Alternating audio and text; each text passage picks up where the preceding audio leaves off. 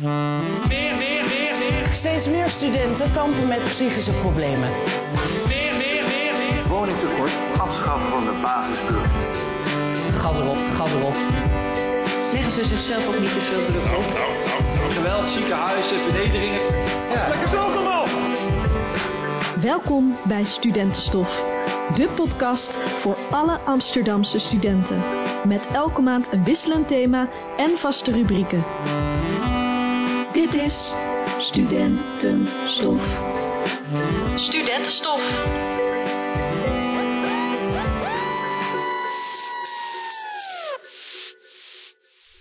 Zelfmade, 2-0 achterstand, echte strebers. Het is slechts een greep uit veelgebruikte termen voor de nog steeds groot wordende groep eerste generatie studenten. Het zijn studentenpioniers omdat ze vaak als eerste van hun gezin academisch onderwijs gaan volgen. Daarom spreekt deze groep tot verbeelding. Ze werken hard aan hun toekomst. Door het veroveren van een plek op van een huis uit onbekend terrein. Ze belichamen daarmee eigenlijk het maatschappelijk ideaal van kansengelijkheid in Nederland. Je talenten en inzet bepalen waar je terechtkomt en niet je afkomst. Oké, nou welkom bij een gloednieuwe aflevering eh, van de Studentenstof. Ik zit hier vandaag met uh, Milio van der Kamp, expert eerste generatie studenten. Misschien wil Milio uh, zichzelf even voorstellen. Ja, goedemiddag. Dankjewel voor de uitnodiging. Ik ben dus Milio. Ik ben docent bij uh, de opleiding uh, Interdisciplinaire Sociale Wetenschappen op de Universiteit van Amsterdam. En ik heb me de laatste jaren heel veel verdiept in uh, het idee van eerste generatie studenten. ik ben zelf ook een eerste generatie student. Dus een eerste generatie student is eigenlijk een student wiens ouders zelf niet hebben gestudeerd en die de eerste zijn in hun familie die gaan studeren. Um, daar komen over het algemeen uh, uitdagingen bij, maar het biedt ook heel veel mooie mogelijkheden en kansen. Dus daar, uh, om dat meer op de voorgrond te krijgen, uh, heb ik bijvoorbeeld heel veel programma's ontwikkeld en heel veel stukjes erover geschreven en heel veel erover gesproken. Ja, daar zijn we weer. Dankjewel Emilio Kamp voor je introductie. Laten we dan meteen beginnen met de, met de podcast. We hebben het zojuist al over gehad, eerste generatie student. Maar wat maakt een eerste generatie student zo uniek? Nou, in eerste instantie natuurlijk het feit dat zij de eerste zijn in hun familie die gaan uh, studeren. Dat maakt al dat, wat ik net al noemde in de introductie, dat daar uh, uitdagingen en kansen bij komen kijken.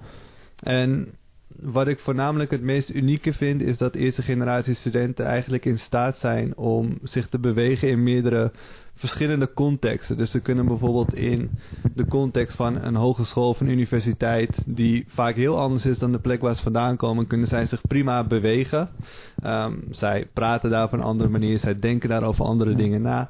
En tegelijkertijd kunnen zij zich ook thuis, waar zij vaak weer heel anders, zich heel anders gedragen en heel anders denken en heel andere gesprekken voeren, ook prima bewegen. Dus ze zijn eigenlijk een soort van chameleons die zich tussen verschillende contexten kunnen begeven en eigenlijk overal goed kunnen renderen. Dus ik denk dat dat wel het meest uniek is aan een eerste generatie student.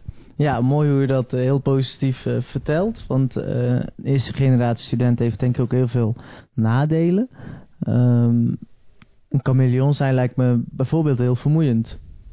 Ja, ik denk um, sowieso als je, als je echt een soort van literatuur erop naslaat, gaat het eigenlijk heel vaak over de problemen en nadelen die eerste generatie studenten ervaren. Dus daarom vond ik het ook wel belangrijk om het te hebben over, over dat chameleon zijn, want dat is juist een heel erg voordeel.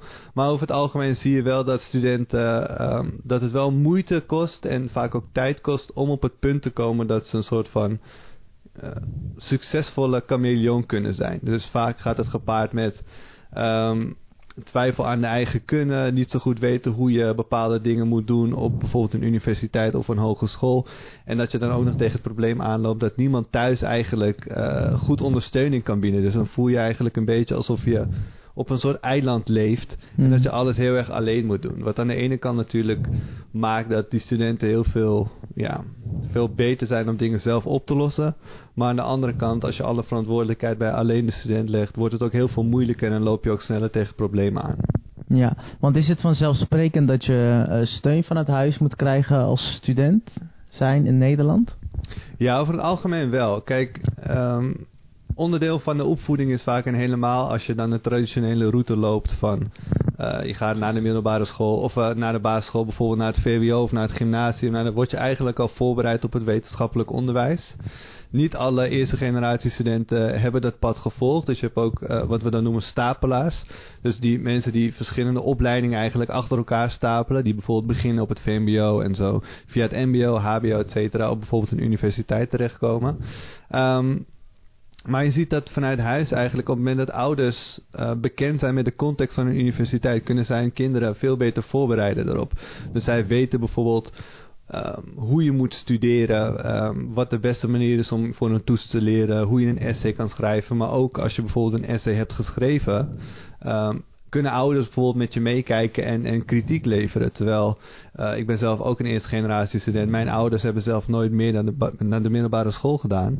Als ik een essay uh, toen ik nog studeerde zou laten lezen aan mijn moeder, zou ze niet begrijpen waar het over gaat. Dan kan ze mij dus niet helpen. Dus je hebt extra ogen. Uh uh, of extra mensen die meekijken met je stukken en huiswerk. Uh, ik ben zelf ook een uh, klassieke stapelaar, eerste generatie student. En ik heb eigenlijk altijd gedacht dat het normaal is. Als je wil studeren, dan moet je gewoon je best doen. En je doet het allemaal op, op eigen kracht. Um, als ik er zo hoor, dan, dan is dat helemaal niet vanzelfsprekend. zijn de eerste generatie studenten hier bewust van dat dat ook anders kan? Ik denk dat heel veel, en dan spreek ik voornamelijk vanuit de eerste generatie studenten die ik zelf dan door de jaren heen heb gesproken. Um, ik denk dat ze wel, zich wel bewust zijn van het feit dat het wel meer moeite kost. Um, en dat je wel ziet dat het voor andere mensen simpelweg gewoon een stuk makkelijker is. Dus dat verschil is denk ik wel heel duidelijk. Het gaat er natuurlijk uiteindelijk om wat je daarmee doet. Dat kan je aan de ene kant kan het je ook motiveren om juist een soort van die extra stappen wel te zetten. Maar het feit dat je extra hard moet werken is wel vaak uh, een gegeven. Ja, ja. Ja, want um, uit onderzoeken blijkt dat, uh, dat de eerste generatie studenten ook een lagere zelfwaarde uh, heeft. Is er een, een verband die we, die we aan kunnen dragen hoe dat komt? Ja, het is wel denk ik, het is wel belangrijk denk ik om, een, om het verschil duidelijk te maken tussen uh, een soort van lagere zelfwaarde en wat we dus noemen self-efficacy. En self-efficacy is eigenlijk het gevoel dat je in staat bent om de doelen die je zet ook daadwerkelijk te behalen. Dus dat heeft meer te maken met het vertrouwen in je eigen kunnen. Dat is nog net even iets anders dan een laag zelfbeeld. Dat heeft wel vaak met elkaar te maken. Maar ik denk dat het belangrijk is als we het hebben over eerste generatie studenten, dat we voornamelijk kijken naar het geloof dat ze hebben in hun eigen kunnen. Mhm. En je ziet vaak dat um, over het algemeen blijkt uit de literatuur dat deze generatie studenten daar wel meer moeite mee hebben. Dus dat ze over het algemeen minder vertrouwen hebben in hun eigen kunnen. En dat heeft daar weer te maken met het feit dat je eigenlijk alles alleen moet doen. Dus er komt gewoon een hele grote mate van onzekerheid bij kijken eigenlijk. Ja, en wat, wat doet dat met een student, de onzekerheid tijdens, uh, tijdens je studie? Het verschilt. Um, kijk, ik ben zelf altijd bezig met bedenken wat zijn nou de studenten die wij uiteindelijk kwijtraken door, door dat gebrek aan, aan vertrouwen in de eigen kunnen. Kijk, er vallen over het algemeen best wel veel eerste generatie studenten uit. En dat komt dus denk ik omdat je over het algemeen niet genoeg tijd hebt. Um, en dat komt bijvoorbeeld door zo'n uh, binnenstudieadvies. Waardoor je niet altijd genoeg tijd hebt en heel snel eigenlijk bepaalde vaardigheden eigen moet maken. Dat heeft verder niks te maken met intelligentie, maar dat kan wel zoveel druk en stress opleveren dat, uh, dat je uiteindelijk voor kiest om, om ermee te stoppen. Dus dat is wel iets wat je dat is wel iets wat je vaak ziet. Het heeft ook te maken met een stukje druk. Aan de ene kant misschien druk vanuit de omgeving, omdat jij misschien de eerste bent en dat daardoor eigenlijk de verwachtingen vrij hoog zijn. Aan de andere kant heb je ook te maken met uh, verwachtingen die je zelf oplegt. Want jij hebt natuurlijk bepaalde doelen die je wil bereiken. Dus heb je al het gevoel dat je daar veel harder voor moet werken. Nou, als je dan op een gegeven moment in een situatie komt waar je het eigenlijk niet zo goed weet, of tenminste meer moeite hebt om om dingen goed uit elkaar te halen, om te weten hoe bijvoorbeeld het systeem van een hogeschool of een universiteit werkt. Um, ja, dan kan het voor heel veel eenzaamheid zorgen bijvoorbeeld. En dan kan ook voor heel veel stress en allerlei andere mentale problemen zorgen. Ja, dat, dat, dat snap ik heel goed. Want je zei net ook, uh, uh, het heeft misschien ook invloed op je BSA. Dus je binnen het studieadvies die je binnen één jaar moet halen. Uh, hoe is de schooluitval van eerste, eerste generatie studenten? Exacte cijfers zou ik niet hebben, maar ik weet over het algemeen dat uh, eerste generatie studenten wel vaker uitvallen. Um, en wat je dan vaak ziet is dat er dan eigenlijk wordt gekeken naar dat er een soort tendens is dat het komt door gebrek aan intelligentie. Van oké, je gaat bijvoorbeeld vanuit uh, het MBO naar het HBO of vanuit het HBO naar het WO. Je gaat het proberen, want dat is natuurlijk altijd de eerste, de eerste stap.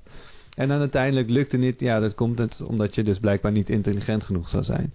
Terwijl het studeren op een universiteit of een hogeschool is veel meer dan alleen een soort van pure intelligentie hebben. Het is ook gewoon weten hoe je bepaalde dingen moet doen. Uh, je kan super slim zijn, maar als je niet weet hoe je effectief voor een toets kan leren, dan ga je ook geen voldoendes halen. Dus het zijn allemaal bepaalde vaardigheden Mhm. die je als eerste generatie student van nature gewoon niet hebt, omdat je ze niet vanuit thuis hebt meegekregen. En je hebt uiteindelijk maar een jaar om die eigen te maken. Dus als je ja, iemand bent die daar gewoon wat meer tijd voor nodig heeft, en nogmaals, dat staat los van je intelligentie, ehm, dan loop je dus al tegen een probleem aan, omdat je dus door zo'n BSA binnen een jaar al die vaardigheden op moet doen, anders mag je gewoon niet door. Nee, nee. Want op, in groep 8 krijg je dan eh, een, een schooladvies om verder te gaan studeren. Ehm, zelf heb ik onderzoek gedaan eh, naar, het, naar het schooladvies. En we zien bijvoorbeeld dat eh, kinderen met een migratieachtergrond of kinderen die voor het eerst gaan studeren een lager schooladvies krijgen dan eh, kinderen waarvan de ouders wel hoog opgeleid zijn. Ehm, en wel interessant om dat bruggetje te maken, want in groep 8 wordt juist verteld van ga maar eens VMBO doen. En eh, als het je lukt, ga maar door naar HAVO. En, ehm, en dan kom je op het hoger onderwijs en dan zeggen ze dat je, je komt van het VMBO af, eh, je hebt een lage IQ of een intelligentie. Dat snap ik niet zo goed, dat loopt niet zo lekker.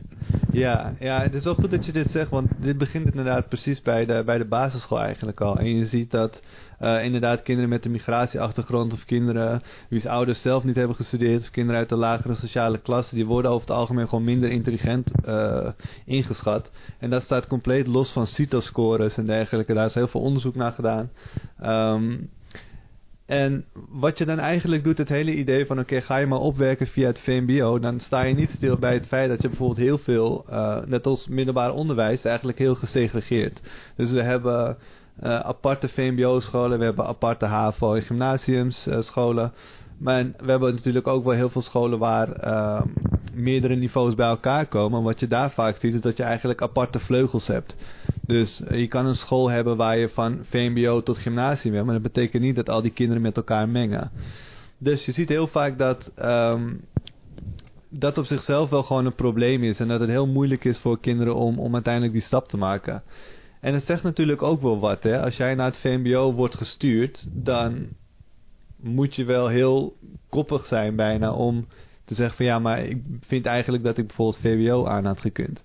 Heel veel studenten die gaan ook gewoon mee in, eh, en de, de ouders van studenten ook, die gaan mee in de tendens van eh, je bent een, wat ze noemen dan een VMBO-kind. En dat is natuurlijk een soort stigma dat heerst.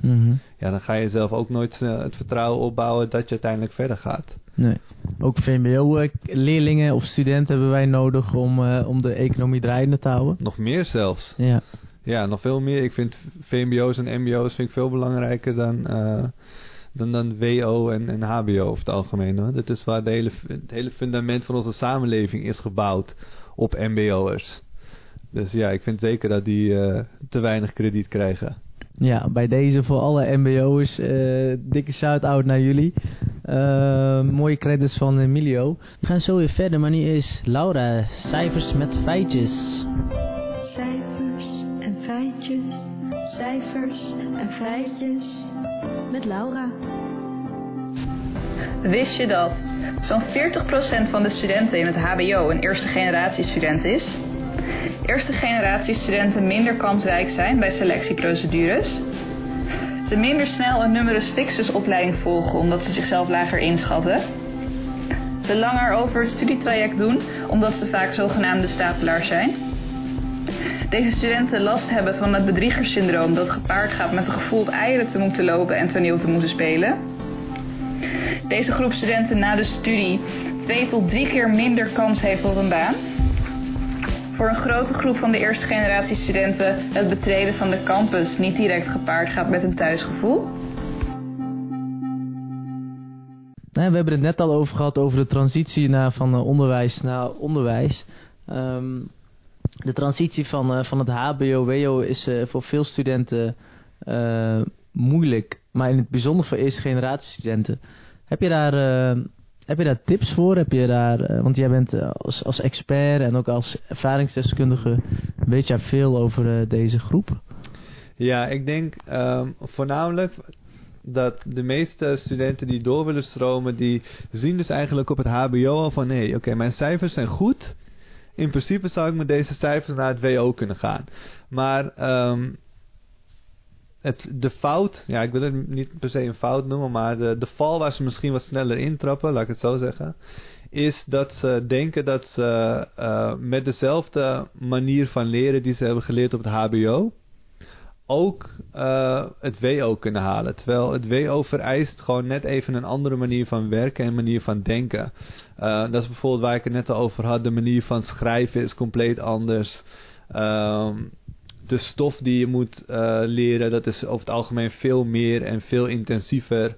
Um, en je ziet bijvoorbeeld dat het onderscheid, uh, dat, dat HBO wat meer praktisch gericht is en WO wat meer um, wetenschappelijk gericht is. Dat zie je heel erg, dat komt ook heel erg naar voren in de stof die je krijgt. Dus dat betekent niet dat zo'n student het, qua intelligentie niet aan kan, maar je moet wel de tools hebben om het op de juiste manier uh, te kunnen doen. En uh, wat je vaak ziet is dat eerste generatie studenten die die overstap maken, een soort van op hun eigen eilandje blijven. Dus zij, um, je ziet ook bijvoorbeeld uit onderzoek blijkt ook dat eerste generatie studenten, en dat begint dan uh, op de basisschool, dat zij veel minder vaak om hulp vragen. Omdat zij veel meer gewend zijn om alles alleen op te lossen. Op, w, op het WO wordt dat echt een probleem. Dus op de basisschool, middelbare school, MBO, HBO kan je je daar nog wel redelijk mee redden door gewoon vanuit je eigen soort van instinct en, en intelligentie te werken. Maar op het WO loop je dan eigenlijk tegen een soort muur aan, omdat het gewoon een slag van je verwacht. Dus um, mijn tip zou absoluut zijn om, om uh, niet proberen om alles alleen te doen. Dus als je merkt dat je toch twijfels hebt of ergens tegenaan loopt, klop aan bij een docent die je misschien vertrouwt, of bij de studieadviseur, of probeer met medestudenten erover te praten. Probeer zo snel mogelijk te identificeren waar jouw leerpunten liggen en probeer daar ook gewoon aan te werken. Ja, want, uh, want hoe, hoe komt het dan dat, uh, dat ze tegen barrières aanlopen waar ze eigenlijk uh, compleet als um, ja, on, onwetende worden neergezet? Van, uh, is dan die stap zo groot of is het onderwijs zo moeilijk gemaakt? Nee, ik denk, ik denk niet dat de stap heel groot is. Ik denk dat over het algemeen de stap, als je dit geval hebt over HBO naar WO, groter wordt gemaakt dan dat het daadwerkelijk is. Maar het is wel heel anders. En dat is denk ik waar, waar vooral het knelpunt ligt. De manier. Uh, kijk, wij verwachten bijvoorbeeld op het WO. Ik verwacht van mijn studenten dat zij een, een, een bepaald essay kunnen schrijven. En dat dat sowieso helemaal in een academische schrijfstijl is geschreven. Dus in een hele wetenschappelijke schrijfstijl. Dat leer je gewoon niet op het HBO. Dus dat is al een belangrijke vaardigheid die echt fundamenteel is voor, voor, uh, voor het WO. En dat is ook wat je bijvoorbeeld in het VWO al een beetje krijgt. Ook bij lange na niet voldoende. Maar wat VWO wordt al een beetje soort van gestimuleerd om en geleerd om wat academischer te schrijven. En dan bij het, op het WO dan um, een soort van, ja, doen we een soort van de puntjes op de i. En dan moet je dat in principe kunnen. Maar vanuit het HBO moet je gewoon een hele andere slag maken. Want je bent eigenlijk al die tijd weer op een hele andere manier aan het schrijven. En ineens verwachten wij een soort van wetenschappelijke schrijfstijl van je. Ja, dan moet je dan maar heel snel onder de knie krijgen. Of bronnen zoeken. Op het HBO wordt heel anders gekeken naar bronnen dan op het WO. Um, wij, wij kunnen hier op, de, op het WO bijvoorbeeld alleen maar... Uh, ik accepteer alleen maar peer-reviewed bronnen uit wetenschappelijke uh, tijdschriften. Nou goed, het is ook weer een hele slag die je moet maken. Mm. Zo heb je heel veel van die soort van concrete mm. verschillen... die samen het gewoon best wel moeilijk maken. Ja. En al die, uh, al die uh, bronnen zijn dus in het leven geroepen... om de kwaliteit van het onderwijs hoog te houden. Ja, ja dat, is inderdaad, dat zijn gewoon een soort van wetenschappelijke maatstaven waar wij uh, binnen de universiteit ons aan houden. Dat is ja. best wel gestandaardiseerd als je kijkt naar het onderwijs. Ja. Um, maar het is wel gewoon wezenlijk anders dan op het HBO, zeg maar. Dus daar moet je wel goed op voorbereid zijn. En dat is dan weer een, een bruggetje bijvoorbeeld als je kijkt naar um, kinderen wiens ouders zelf universitair onderwijs hebben gevolgd. Um, en die van het, zelf van het VWO afkomen. Die zijn veel beter voorbereid op die manier van schrijven, die manier van denken, die manier van argumenteren, dan dat eh, eerste generatie studenten zijn die van het HBO naar het WO gaan. Ja, ja. Nou mooi, we zijn bijna ten einde gekomen van, eh, van de podcast eh, aflevering. Milio, als jij een minuut zou mogen krijgen waar je alles mag zeggen en roepen naar beleidsmakers, naar experts, naar wetenschappers, wat zou je dan zeggen? Eh, ik heb in mijn leven al best wel veel ruzie gemaakt met beleidsmakers. Eh, maar ehm, ik vind gewoon dat, er, dat, dat eerste generatie studenten expliciet ehm, binnen beleid mee worden moeten genomen. Dus er moet echt actief gekeken worden, ook in het diversiteitsbeleid, naar ehm, de, de, de kansen en mogelijkheden, maar ook de, de problemen die eerste generatie studenten hebben. Want het eerste generatie student zijn loopt los van allerlei andere loopt los en naast allerlei andere identiteiten die studenten hebben. En ik denk dat als je, als je het hebt over een, over een werkend diversiteitsbeleid, dat je, je kan niet een werkend diversiteitsbeleid genereren zonder eerste generatie studenten mee te nemen. Dus dat zou een beetje mijn oproep zijn aan iedereen die daar invloed op kan uitoefenen, om dat ook daadwerkelijk uh, mee te nemen. Eh, heb je daar nog wat concretere voorbeelden bij van op, op welke manier moeten eerste generatie studenten meegenomen worden? Want hoe, die, die groep is uh, groot, denk ik, 40% uit mijn hoofd uh, van het hoger onderwijs is eerste generatie student. Um, hoe zou je dat in de praktijk terug willen zien? Ja, het begint denk ik al bij identificeren. Mm. Um, nu is het eigenlijk heel simpel gezegd zo dat oké, de deur van bijvoorbeeld een studieadviseur staat open op het moment dat eerste generatie studenten tegen problemen aanlopen. En dat is uh, een fijn gegeven om je achterhoofd te houden. Maar als je tegelijkertijd weet dat eerste generatie studenten minder snel geneigd zijn om hulp te zoeken, dan denk ik dat je een verslag moet maken en uh, proactiever moet worden als opleiding of als uh, school zijnde, zeg maar als universiteit of hogeschool zijnde. Um, en dat je daarin veel proactiever moet gaan kijken en proberen te identificeren van oké, wie zijn die eerste generatie studenten? Waar, waar zijn ze? Welke opleidingen kiezen ze over het algemeen? En hoe kunnen wij daar dus actief in, in inspringen? Um, ik ben nu zelf bijvoorbeeld ook bezig uh, binnen de opleiding waar ik, waar ik zelf doseer.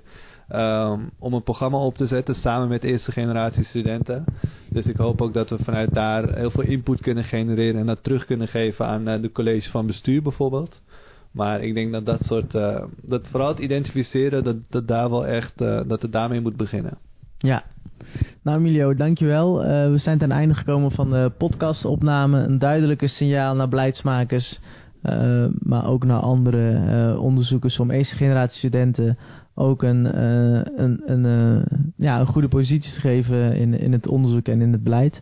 Dankjewel Emilio Vollekamp. Ik hoop dat je het leuk vond en heel veel succes verder. Ja, zeker. Dankjewel. Ik vond het leuk dat ik hier mocht zijn. En uh, dankjewel voor de uitnodiging nogmaals.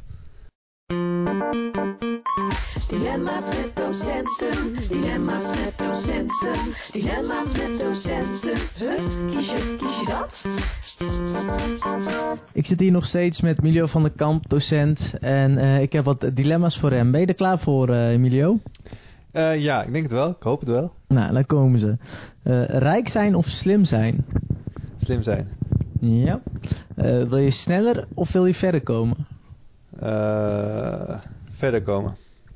Dus dan werk je samen, denk ik. Ja, denk het wel. Als het iets langer duurt om verder te komen, vind ik dat prima. Ja. Uh, zonnig of ga je liever de natuur in? natuur. Natuur. Nou, dan zijn we weer bij de laatste gekomen. Een, een, een volle klas met studenten of liever lesgeven aan een groep studenten? Volle klas studenten. Ja? Ja, vind ik wel leuker, denk ik. Ja. Helemaal nu. Zeg maar, nu ik uh, zo lang online les heb moeten geven, uh, snak ik wel een beetje naar meer interactie met mijn studenten, zeg maar. Dus dan denk ik, uh, gooi mij maar een hoorcollege vol. Dan hoe meer, hoe beter. Nou, weer een duidelijk signaal van Milio van der Kamp. Dankjewel, dit was hem weer.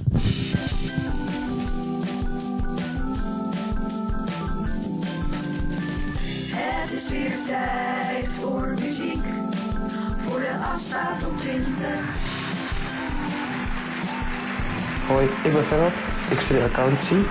Ik haal het nummer Champagne en Wine eruit omdat afgelopen jaar was er niks te vieren. En het nummer Change van Tupac erin omdat er afgelopen jaar heel veel is veranderd. Ja, dankjewel weer voor het luisteren naar een nieuwe aflevering van Studentenstof. Ik vond het weer een hele interessante aflevering met Milieu van de Kamp. Ik vond het ook leuk om te horen dat uh, hij als eerste generatie student ook zoveel wist te vertellen. En het was ook zo voelbaar als toen ik bij hem uh, zat. En dat, dat gaf mij ook weer heel veel energie om uh, hier verder over na te denken. Want ik heb soms het idee dat dit onderwerp toch niet vaak genoeg of diep genoeg op, op de agenda staan van beleidsmedewerkers of, of op school. Voor mijn gevoel is daar in de afgelopen jaren te weinig aandacht aan gegeven, vooral op de HVA, spreek ik dan voor mezelf. En ik denk dat we juist deze grote groep, inmiddels zit hij op 50%, uh, um, dat hier echt veel meer aandacht naartoe moet om deze studenten ook op te vangen en om ze toch een fijn gevoel te geven in het academisch onderwijs. Dankjewel en uh, tot snel weer.